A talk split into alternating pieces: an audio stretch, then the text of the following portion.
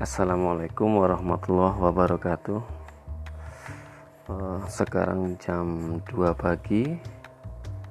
Memang sengaja bikin podcast jam segini Tujuannya agar uh, Meminimalisir suara yang ada Suara berisik yang ada di luar sana. Jadi enak gitu jam segini Gelap-gelapan Terus bikin podcast untuk teman-teman parkur ya kali ini saya ingin membahas bagaimana caranya apa namanya memberitahu lah kurang lebih apa apa saja yang diperlukan dalam parkur gitu loh dan sekaligus persiapannya. Aduh. Serek ulet. Parkour adalah olahraga yang benar-benar apa ya murah lah menurut aku. Karena di situ kita nggak yang disuruh untuk memakai perlengkapan yang mahal gitu loh.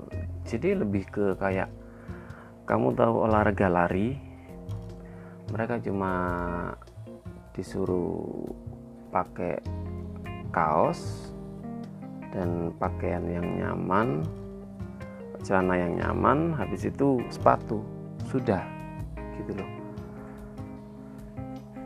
ya kurang lebih di sini saya akan memberikan dan apa ya memberikan tips lah untuk teman-teman uh, perlengkapan parkur beserta apa yang harus direkomendasikan di alat-alatnya itu gitu. seperti sepatu kan juga nggak sebarang sepatu gitu. Meski, uh, meskipun kadang ada beberapa sepatu yang benar-benar penggunaannya itu berbeda di setiap setiap gerakan gitu. Di sini saya lebih ke membahas untuk teman-teman tracer dan free runner sih. Tracer untuk praktisi dari parkour, free runner, praktisi dari free running kayak gitu. Nah, pertama kaos. Yang pertama kaos lah yang harus dipakai teman-teman praktisi gitu. Jadi kaos itu nggak sing sembarangan. Biasanya sih kaos oblong. Kebanyakan teman-teman parkour makanya pakai kaos oblong kayak gitu kan jadi jangan pakai kemeja kenapa pakai kaos oblong supaya pada saat kita bergerak atau lompat atau apa pun itu enak lah. Lebih luasa apalagi kaos-kaos yang bisa cepat menyerap keringat kayak gitu sih. Setelah itu sekarang ini kayaknya lebih banyak para orang-orang para para penjual kaos di parkur yang merajalela gitu loh. Banyak produk seperti maling kondang evolution BKFRTI juga dan lain-lain teman-teman praktisi yang jual lain. Dan itu juga recommended lah. Mereka itu kaos-kaos yang benar-benar bagus terutama dibuat latihan parkur seperti itu habis itu ada celana. Celana juga nggak sembarangan karena pada dasarnya di situ kita bisa bergerak bebas itu karena celana yang uh, bisa apa ya celana yang bisa uh, sama apa namanya sama gerakan kalian gitu loh. Yang bisa menyatu sama gerakan kalian. Kurang lebih yang sangat tidak direkomendasikan adalah celana-celana jeans ya yang ketat lah. Dan itu benar-benar gerakanmu itu terbatas gitu loh.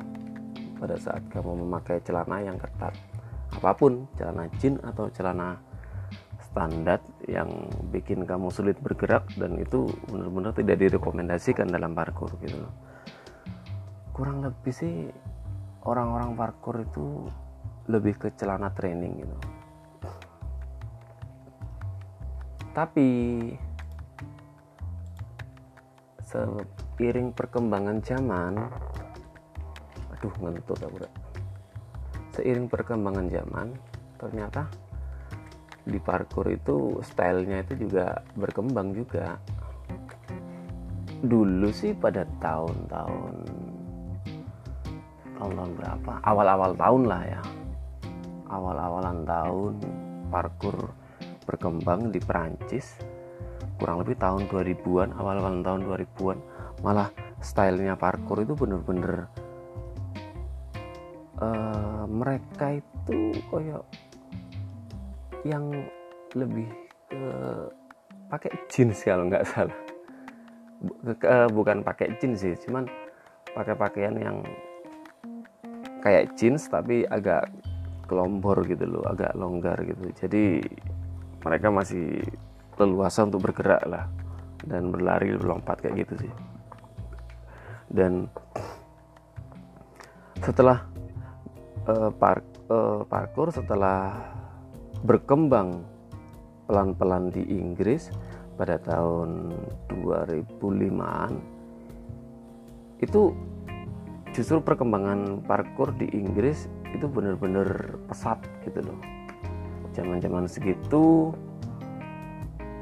eh, praktisinya itu baru memulai pakai pakaian yang kelompor gitu pakai pakaian eh, celana training yang kelompor dan malah di situ lebih pesat berkembangnya parkour daripada di Prancis sendiri. Sedang apa namanya? Uh, karena gini,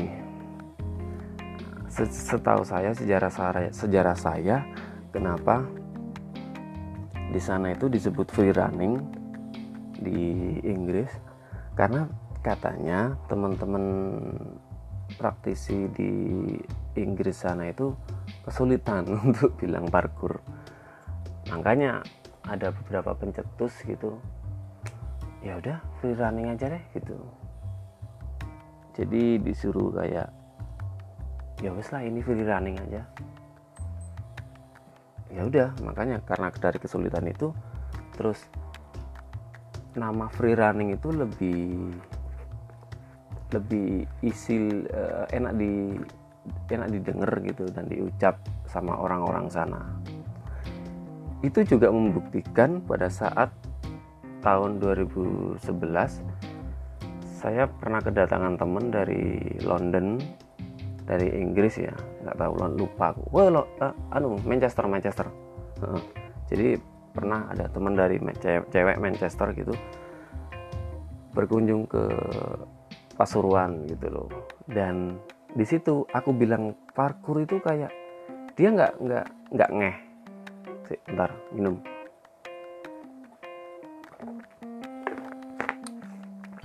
Dia nggak ngeh pada waktu itu pada saat aku sering bilang parkur parkur parkur gini. Dia dia pada suatu hari dia bilang gini gitu loh. Apa yang kalian lakukan itu di sana itu seperti free running seperti itu. Aku lupa kalau orang-orang London orang-orang Inggris sana justru mereka itu lebih e, masyarakat awamnya ya. Masyarakat awamnya itu justru mereka itu lebih tahu kalau aktivitas ini adalah free running gitu.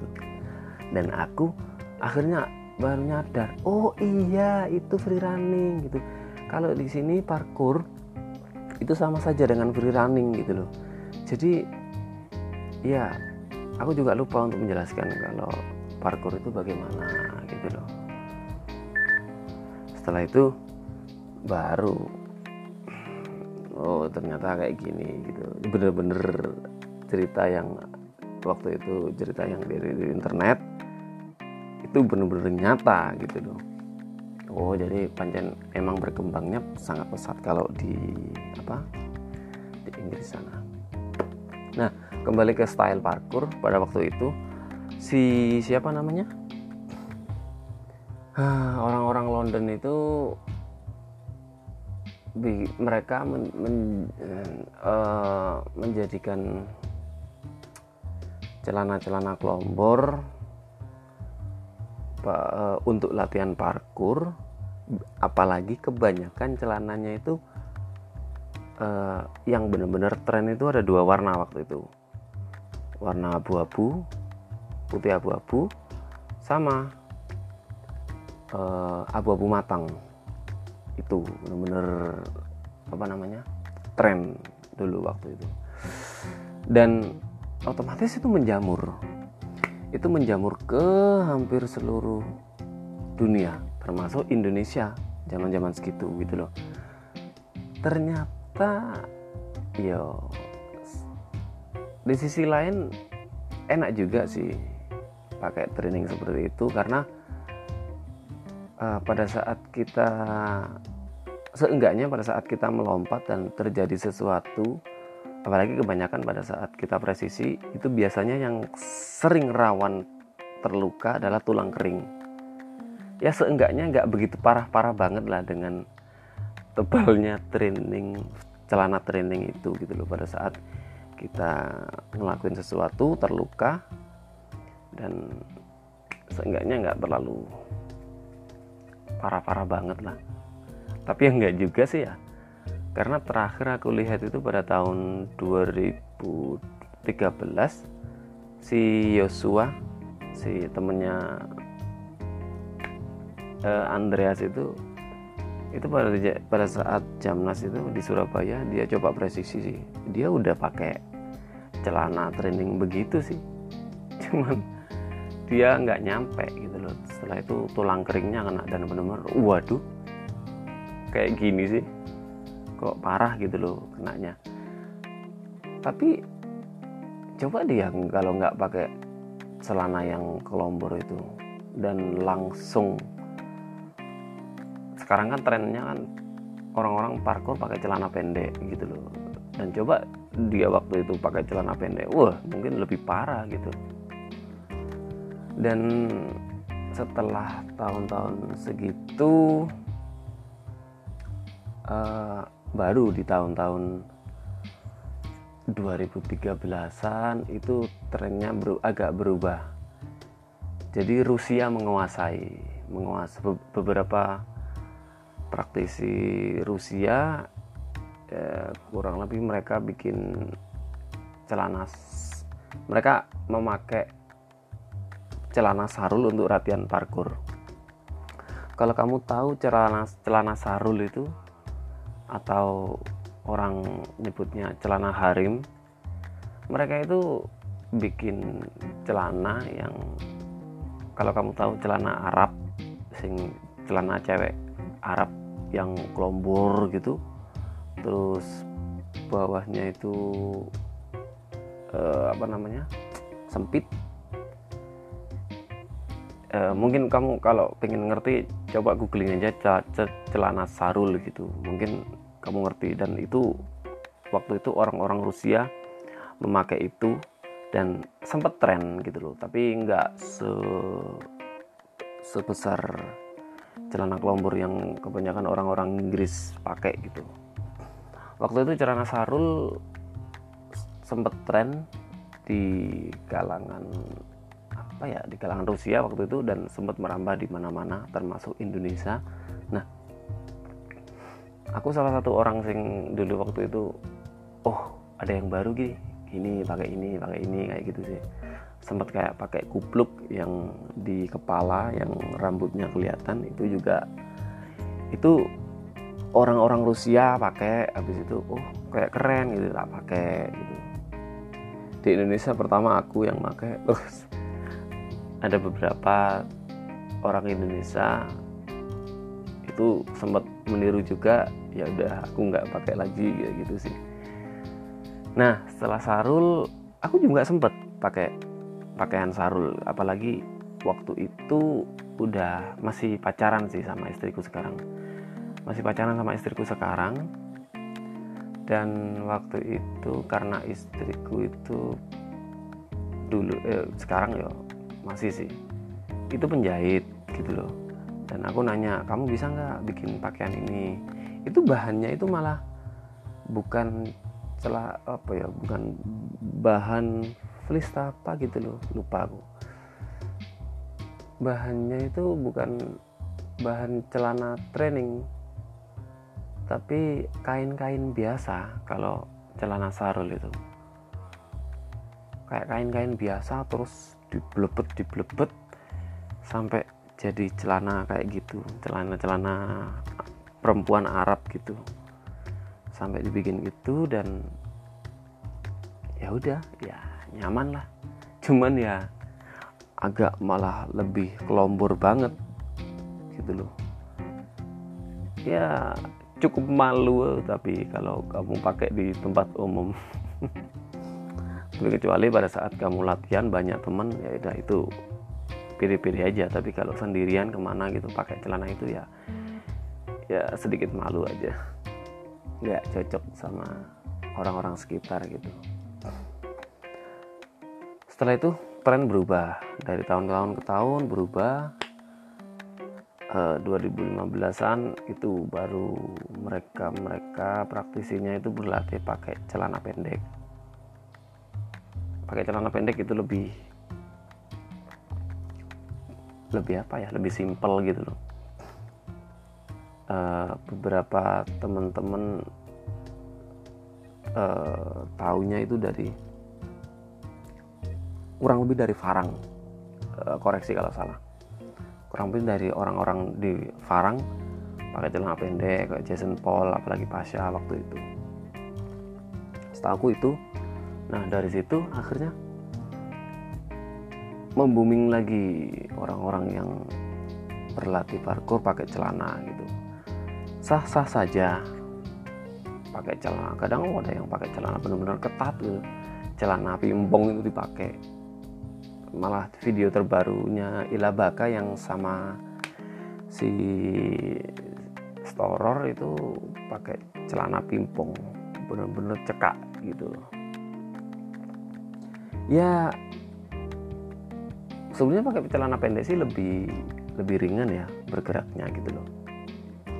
Meskipun selisih beratnya dengan celana celana training yang kelompok itu sedikit selisihnya cuman cukup membantu lah dalam kita bergerak di parkour itu. Tapi ya itu jadi kayak kalau kamu kayak belajar-belajar masih belajar gitu dan itu masih rawan dalam kena cedera di tulang kering sih. Karena kaki tulang keringmu itu nggak terlindungi sama sekali. Itu apa namanya rugi uh, negatifnya kalau pakai celana. Tapi kalau positifnya mereka bisa bergerak dengan ringan seperti itu. Dan habis itu mereka uh, trennya ber, beberapa tren itu berganti dengan justru celana apa ya ngerti celana pensil nggak sih? Celana pensil yang ketat gitu dan biasanya itu buat latihan. Dan kebiasanya itu warna hitam. Sering sih beberapa praktisi gitu. Dan termasuk ilabaka dan tak lihat emang keren sih. Sebetulnya ya bukan jin. Uh, kamu tahu nggak celana jin? Kain-kainnya itu yang melar gitu. Nah itu yang bikin buat itu yang dibuat mereka untuk latihan parkour seperti itu. Apalagi um, untuk bikin video. Dan emang kayak kalau dilihat ini enak bagus gitu loh. Makanya aku juga seperti itu. Jadi malah celana-celana training yang hitam-hitam gitu ya berhubung istriku penjahit ya enak aja kalau mau nyuruh ayo jahitin gini jadi agak disempitin gitu di bagian apa? Pukang gitu. Dan kalau dilihat sih bagus karena selain di bisa dibuat latihan kamu juga bisa dibuat matching ke mana gitu.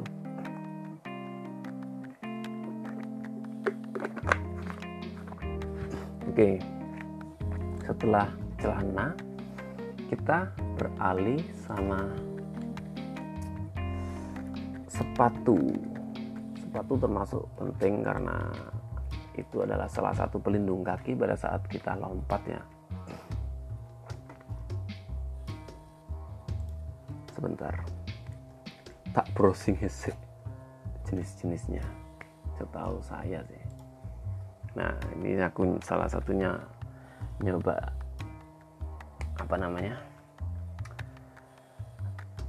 sedikit menjelaskan caranya memilih sepatu parkour yang benar beserta rekomendasinya. Jadi di sini di blognya parkour Tarakan sih yang tak lihat. Terima kasih parkour Tarakan gitu.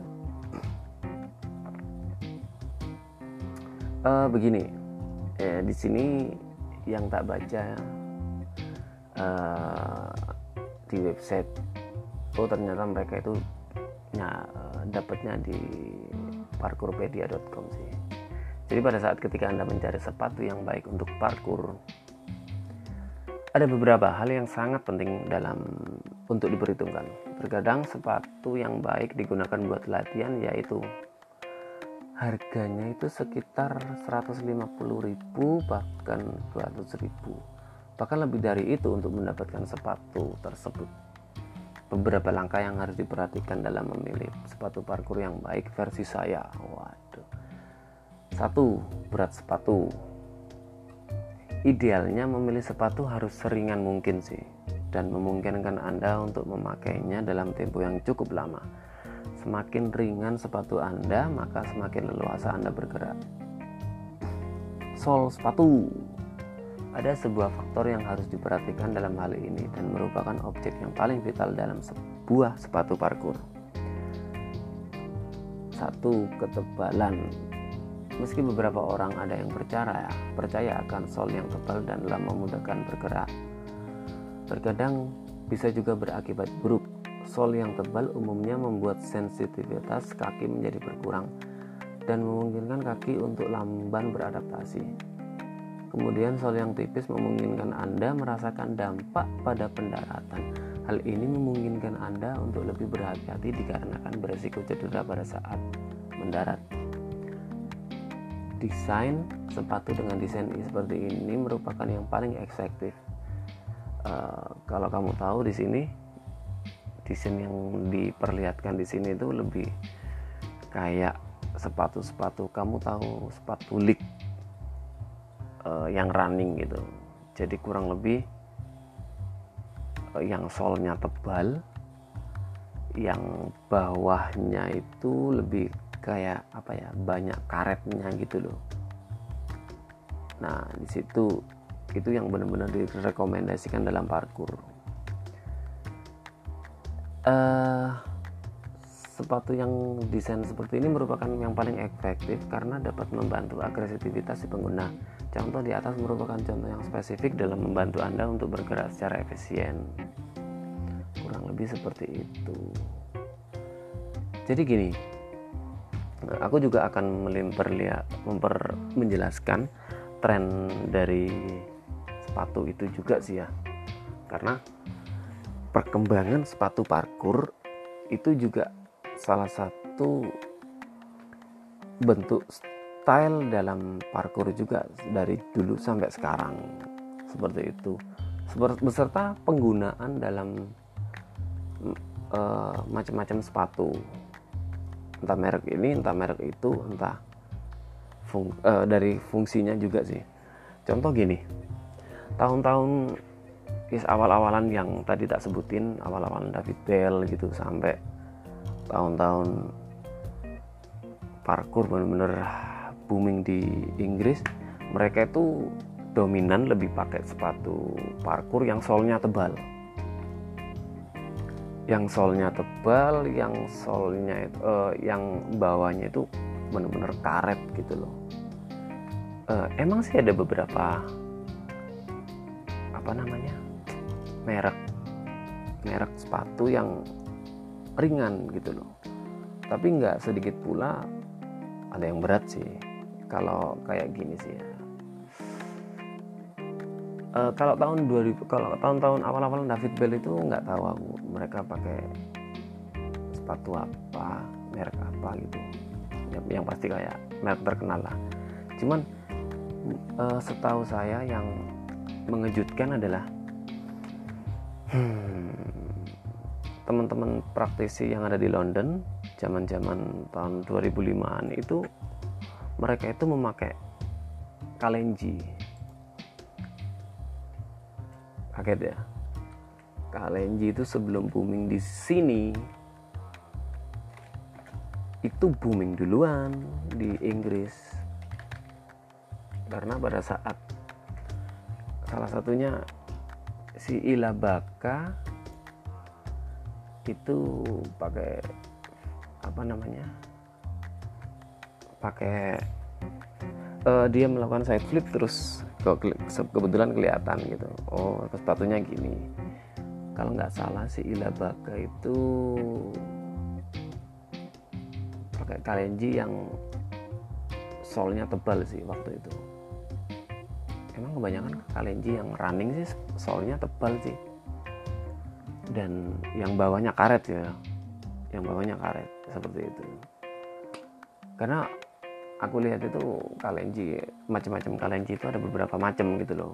Ada yang bawahnya itu karet ada yang bawahnya itu bener-bener nggak ada karetnya gitu. Bener-bener kayak apa ya? Yang kemarin aku beli itu harga 200 sih. Yang warnanya abu-abu. Itu bener-bener kalenji yang ringan banget karena tanpa karet sih jadi kayak solnya itu uh, apa sih kalau kamu kayak, kalau kamu tahu kayak styrofoam kayak gitu nah yaitu yang aku beli dan itu benar-benar ringan. Cuman itu benar-benar nggak direkomendasikan pada saat uh, tempat-tempat yang licin maksudnya seperti lantai gitu. Karena bawahnya kayak nggak ada karetnya gitu loh solnya solnya itu ya solnya itu nggak ada karetnya nggak ada tumpukan karetnya. Jadi langsung langsung sol terus tanpa karetnya di bawah. Jadi kayak lebih ke styrofoam tak? Kayak kayak styrofoam gitu loh. Makanya pada saat di lantai yang agak licin itu itu udah wis. Useless ya. Itu sepatu benar-benar useless gitu. Tapi ringan jadi pada saat kamu presisi gitu itu itu masih enak dan ringan gitu. Tapi emang kelemahannya dari situ sih. Gampang licin yang kalenji itu. Nah zaman-zaman segitu zaman-zaman parkur di London booming itu pakai kalenji yang seperti itu. Setelah itu uh, aku setelah itu di Indonesia. Nah se, se, se, belum belum belum. Aku belum menjelaskan dari situ. Nah kembali ke Kalenji tadi itu dan beserta apa namanya merek-merek yang lain kayak Nike itu praktisi di sana itu ya gitu. Mereka lebih memakai sol-sol tebal gitu kayak apa pun dari segala merek tujuannya apa? Kenapa pakai sol yang tebal? Itu karena supaya zaman-zaman segitu itu salto itu bener-bener jarang yang be, belum ada yang salto macam-macam sih. Cuma mungkin satu side flip yes, salto salto standar tok lah. Kalaupun ada double itu ada kebanyakan backflip sih kalau waktu itu double. Dan hmm, mereka sih lebih mengedepankan parkurnya dulu sih sebelum flipnya gitu. Jadi yang tak lihat zaman zaman segitu bener-bener mereka bagaimana caranya melatih presisi kayak kayak gitu sih. Squat jam eh maksudnya apa? Gap jam kayak gitu. Jadi lebih lebih melatih ke lompatan dan landing ya, presisi gitu. Makanya mereka itu lebih suka memakai yang sol tebal tujuannya agar impact dari landing itu sendiri nggak begitu sakit gitu loh. Jadi solnya tebal. Setelah itu aku mau cerita di Indonesia. Pada zaman 2009 pada tahun 2009 2010-an baru di Indonesia itu tren untuk make sepatu kodachi nah aku nggak paham sih kalau di luar ada apa enggak gitu loh. Tapi pada saat tahun segitu sepatu kodachi itu sempat tren juga di Indonesia. Karena eh, tujuannya itu untuk mereka cuma yang nggak kepingin ribet dengan sepatu berat mereka pakai kodachi yang tujuannya itu hanya untuk warming up esensi kayak gitu sih. Jadi lebih ke yang apa ya aktivitas yang minim lompat lah kalau sepatu kodachi itu. Karena kan solnya tipis banget gitu loh. Dari solnya tipis itu otomatis kalau dibuat lompat apalagi kayak run press gitu itu bener-bener sakit impactnya. Jadi waktu zaman segitu sih aku beli ya mungkin zaman segitu aku beli berapa ya? Kurang lebih 45 ribu 50 ribuan lah kalau sekarang mungkin 90 atau 80-an lah. Cukup murah sih cukup terjangkau lah kalau si Kodachi ini. Nah waktu itu Kodachi itu aku pakai untuk apa namanya untuk itu salah satunya esensi ngajar-ngajar esensi warming up. Di sisi lain ngerumput. Nah istilah ngerumput di Indonesia itu kan apalagi di parkur itu belajar salto lah kurang lebih seperti itu. Jadi tak pakai juga belajar salto karena dari ringannya itu sih yang pasti gitu loh. Tapi kayak sekarang uh, trennya bergeser gitu. Jadi jarang teman-teman pakai uh, pakai apa namanya? Pakai sepatu kodachi gitu. Malah sekarang itu kebanyakan tren berubah dari sepatu dulu sepatu running terus sepatu kayak kodachi setelah itu RCN sebentar trennya itu berubah menjadi sepatu casual. Sepatu casual itu sepatu-sepatu yang orang-orang itu buat kayak ngemol sepatu santai gitu loh. Bener nggak sih aku bilangin Oke, bentar. Sepatu, uh, sepatu casualnya pak lihat pria. Nah oh, oh ternyata bukan. Sepatu casual malah di sini kayak sepatu sepatu santai oh sneaker. Ya ya ya ya ya nah begini. Jadi setelah teman-teman parkur uh, mereka sudah selesai dengan kalenjinya mereka itu beralih ke sneaker kayak gitu sih. Sepatu sneaker itu solnya lebih tipis sih. Tapi tidak setipis kalenji juga jadi antara sepatu running dan sepatu kalenji itu jadi tengah-tengahnya di situ. Dan sneaker adalah tengah-tengahnya. Jadi si apa solnya nggak begitu tebal setebal itu. Nah di sini sepatu casual itu sampai sekarang itu dipakai untuk teman-teman latihan parkour. Karena di samping menurut mereka itu menurut kita itu keren terus kurang lebih lebih ringan lah daripada sepatu running kayak gitu sih. Dan sebetulnya untuk presisi yang benar-benar apa ya kayak kayak kayak big jump gitu itu impactnya sih agak terasa. Cuman nggak begitu sakit cuman terasa tapi nggak begitu sakit kayak gitu sih. Dan untuk bergerak bikin video untuk untuk salto itu masih masih ringan lah. Eh, masih efisien lah.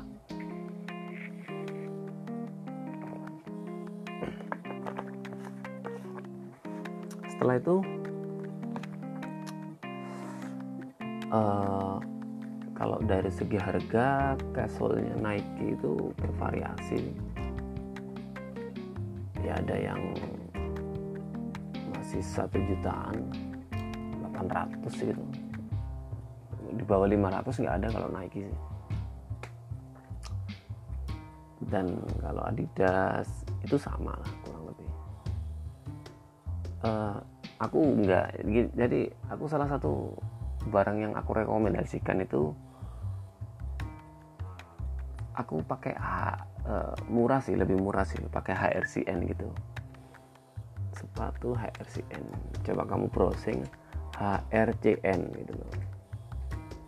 Itu kurang lebih mereka dari Bandung produksinya dan mereka itu kerjasama sama teman-teman parkur Bandung gitu. Cukup murah dan cukup terjangkau sepatu ini ini aku nggak disponsori sama sekali ya Harisian cuman secara pribadi aku beli produknya dan membuktikan sendiri sih. Cuman murah dan har harganya murah dan barangnya kualitasnya juga bagus lah daripada kamu beli Nike yang KW berapa terus Adidas yang KW berapa Diadora yang KW berapa. Mending yang itu ya mending yang HRCN itu kurang lebih harganya berapa ya? Aku lihat di Bukalapak sih antara 250-an gitu. 300 itu pakai uh, dengan ongkirnya. Dan ya modelnya juga bagus-bagus sih. Aku pakai itu sih warna merah. Dan aku waktu itu pesan sama si Manda yang dari Bandung. Setelah itu ya udah dia kirimin ke sini sampai sekarang sih. Pakai masih pakai itu. Uh, dan apa ya? Itu aku beli pada pada tahun 2014 kalau nggak salah. Udah hampir lima tahun. Dan masih fine fine saja sih. Karena gini sih ya uh, rap bukan rapuh sih ya. Kan si sol sepatu itu biasanya kan semakin lama dipakai semakin karetnya itu kan semakin tipis semakin pudar gitu loh. Sebetulnya sepatu awet enggaknya itu tergantung kita sering enggaknya latihan sih. Karena semakin banyak jam terbang kita di parkur otomatis semakin apa ya semakin rapuh juga sepatunya gitu loh. Semakin terapas juga si solnya itu sendiri sih.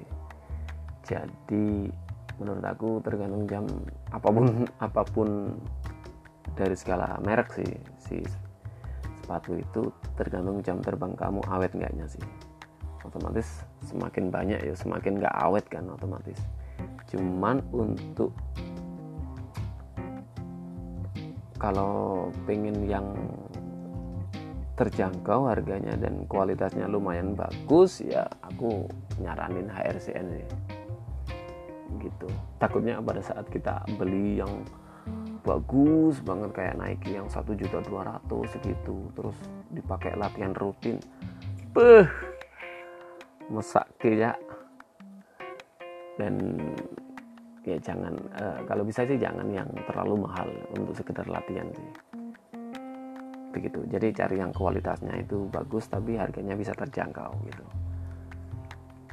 Ya itu sih. Jadi untuk sepatu gitu. Dan tren-tren dari parkour sih kayaknya masih berkembang untuk ke depannya kayak gitu. Uh, apalagi sekarang itu kan gerakan di parkour itu kan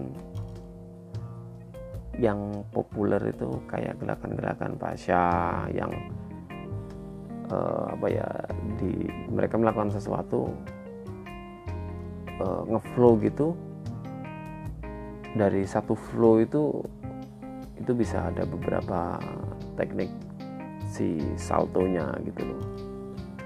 Dan dan itu berkelanjutan. Jadi trennya parkour sekarang itu adalah gerakan yang apa ya? Intinya gerakan yang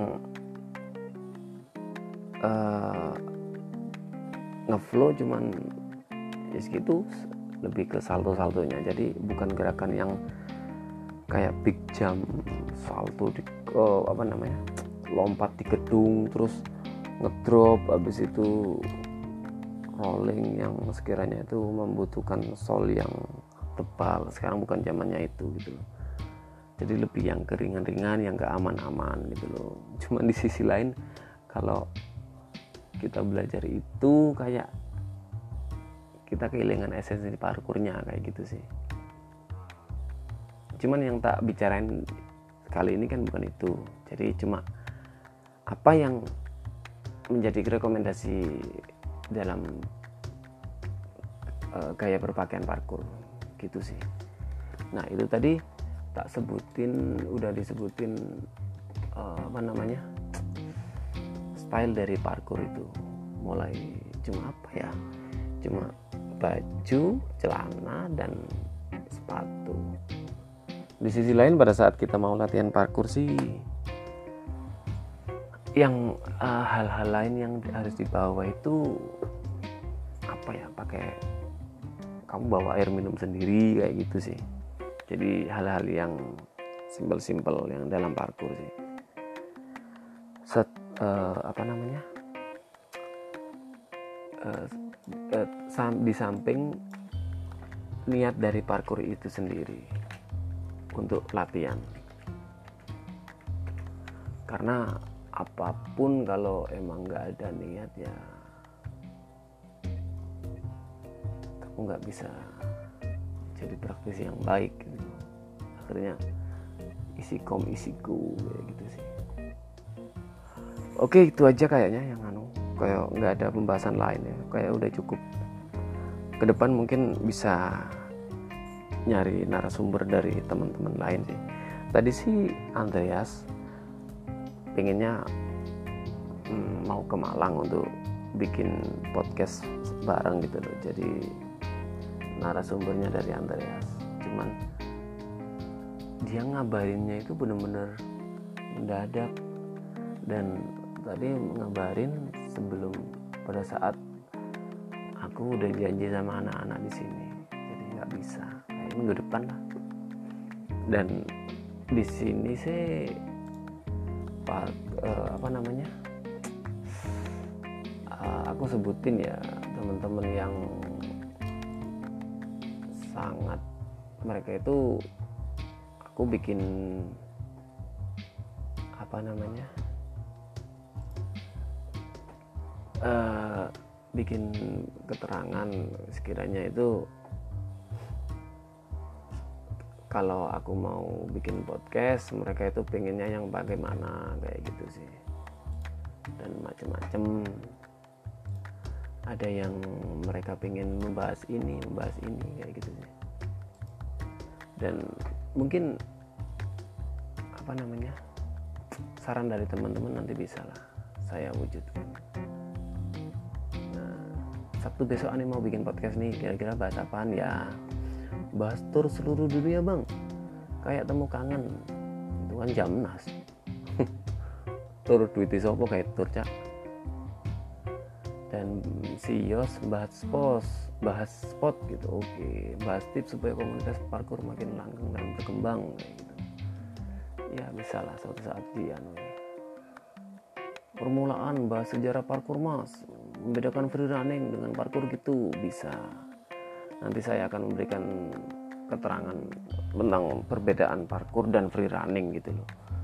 Dan banyak orang yang salah persepsi sih dari hal itu. Dan sialnya itu setiap ada anak baru yang datang dan bertanya kurang lebih pertanyaannya itu nggak jauh-jauh dari parkour perbedaan parkour dan freerun gitu sih. Tapi nanti suatu saat akan aku bahas lah oke untuk dis, untuk hari ini cukup kayaknya cukup sekian lah. Dan kita ketemu di podcast berikutnya. Sekarang. Oke sampai jumpa. Assalamualaikum warahmatullahi wabarakatuh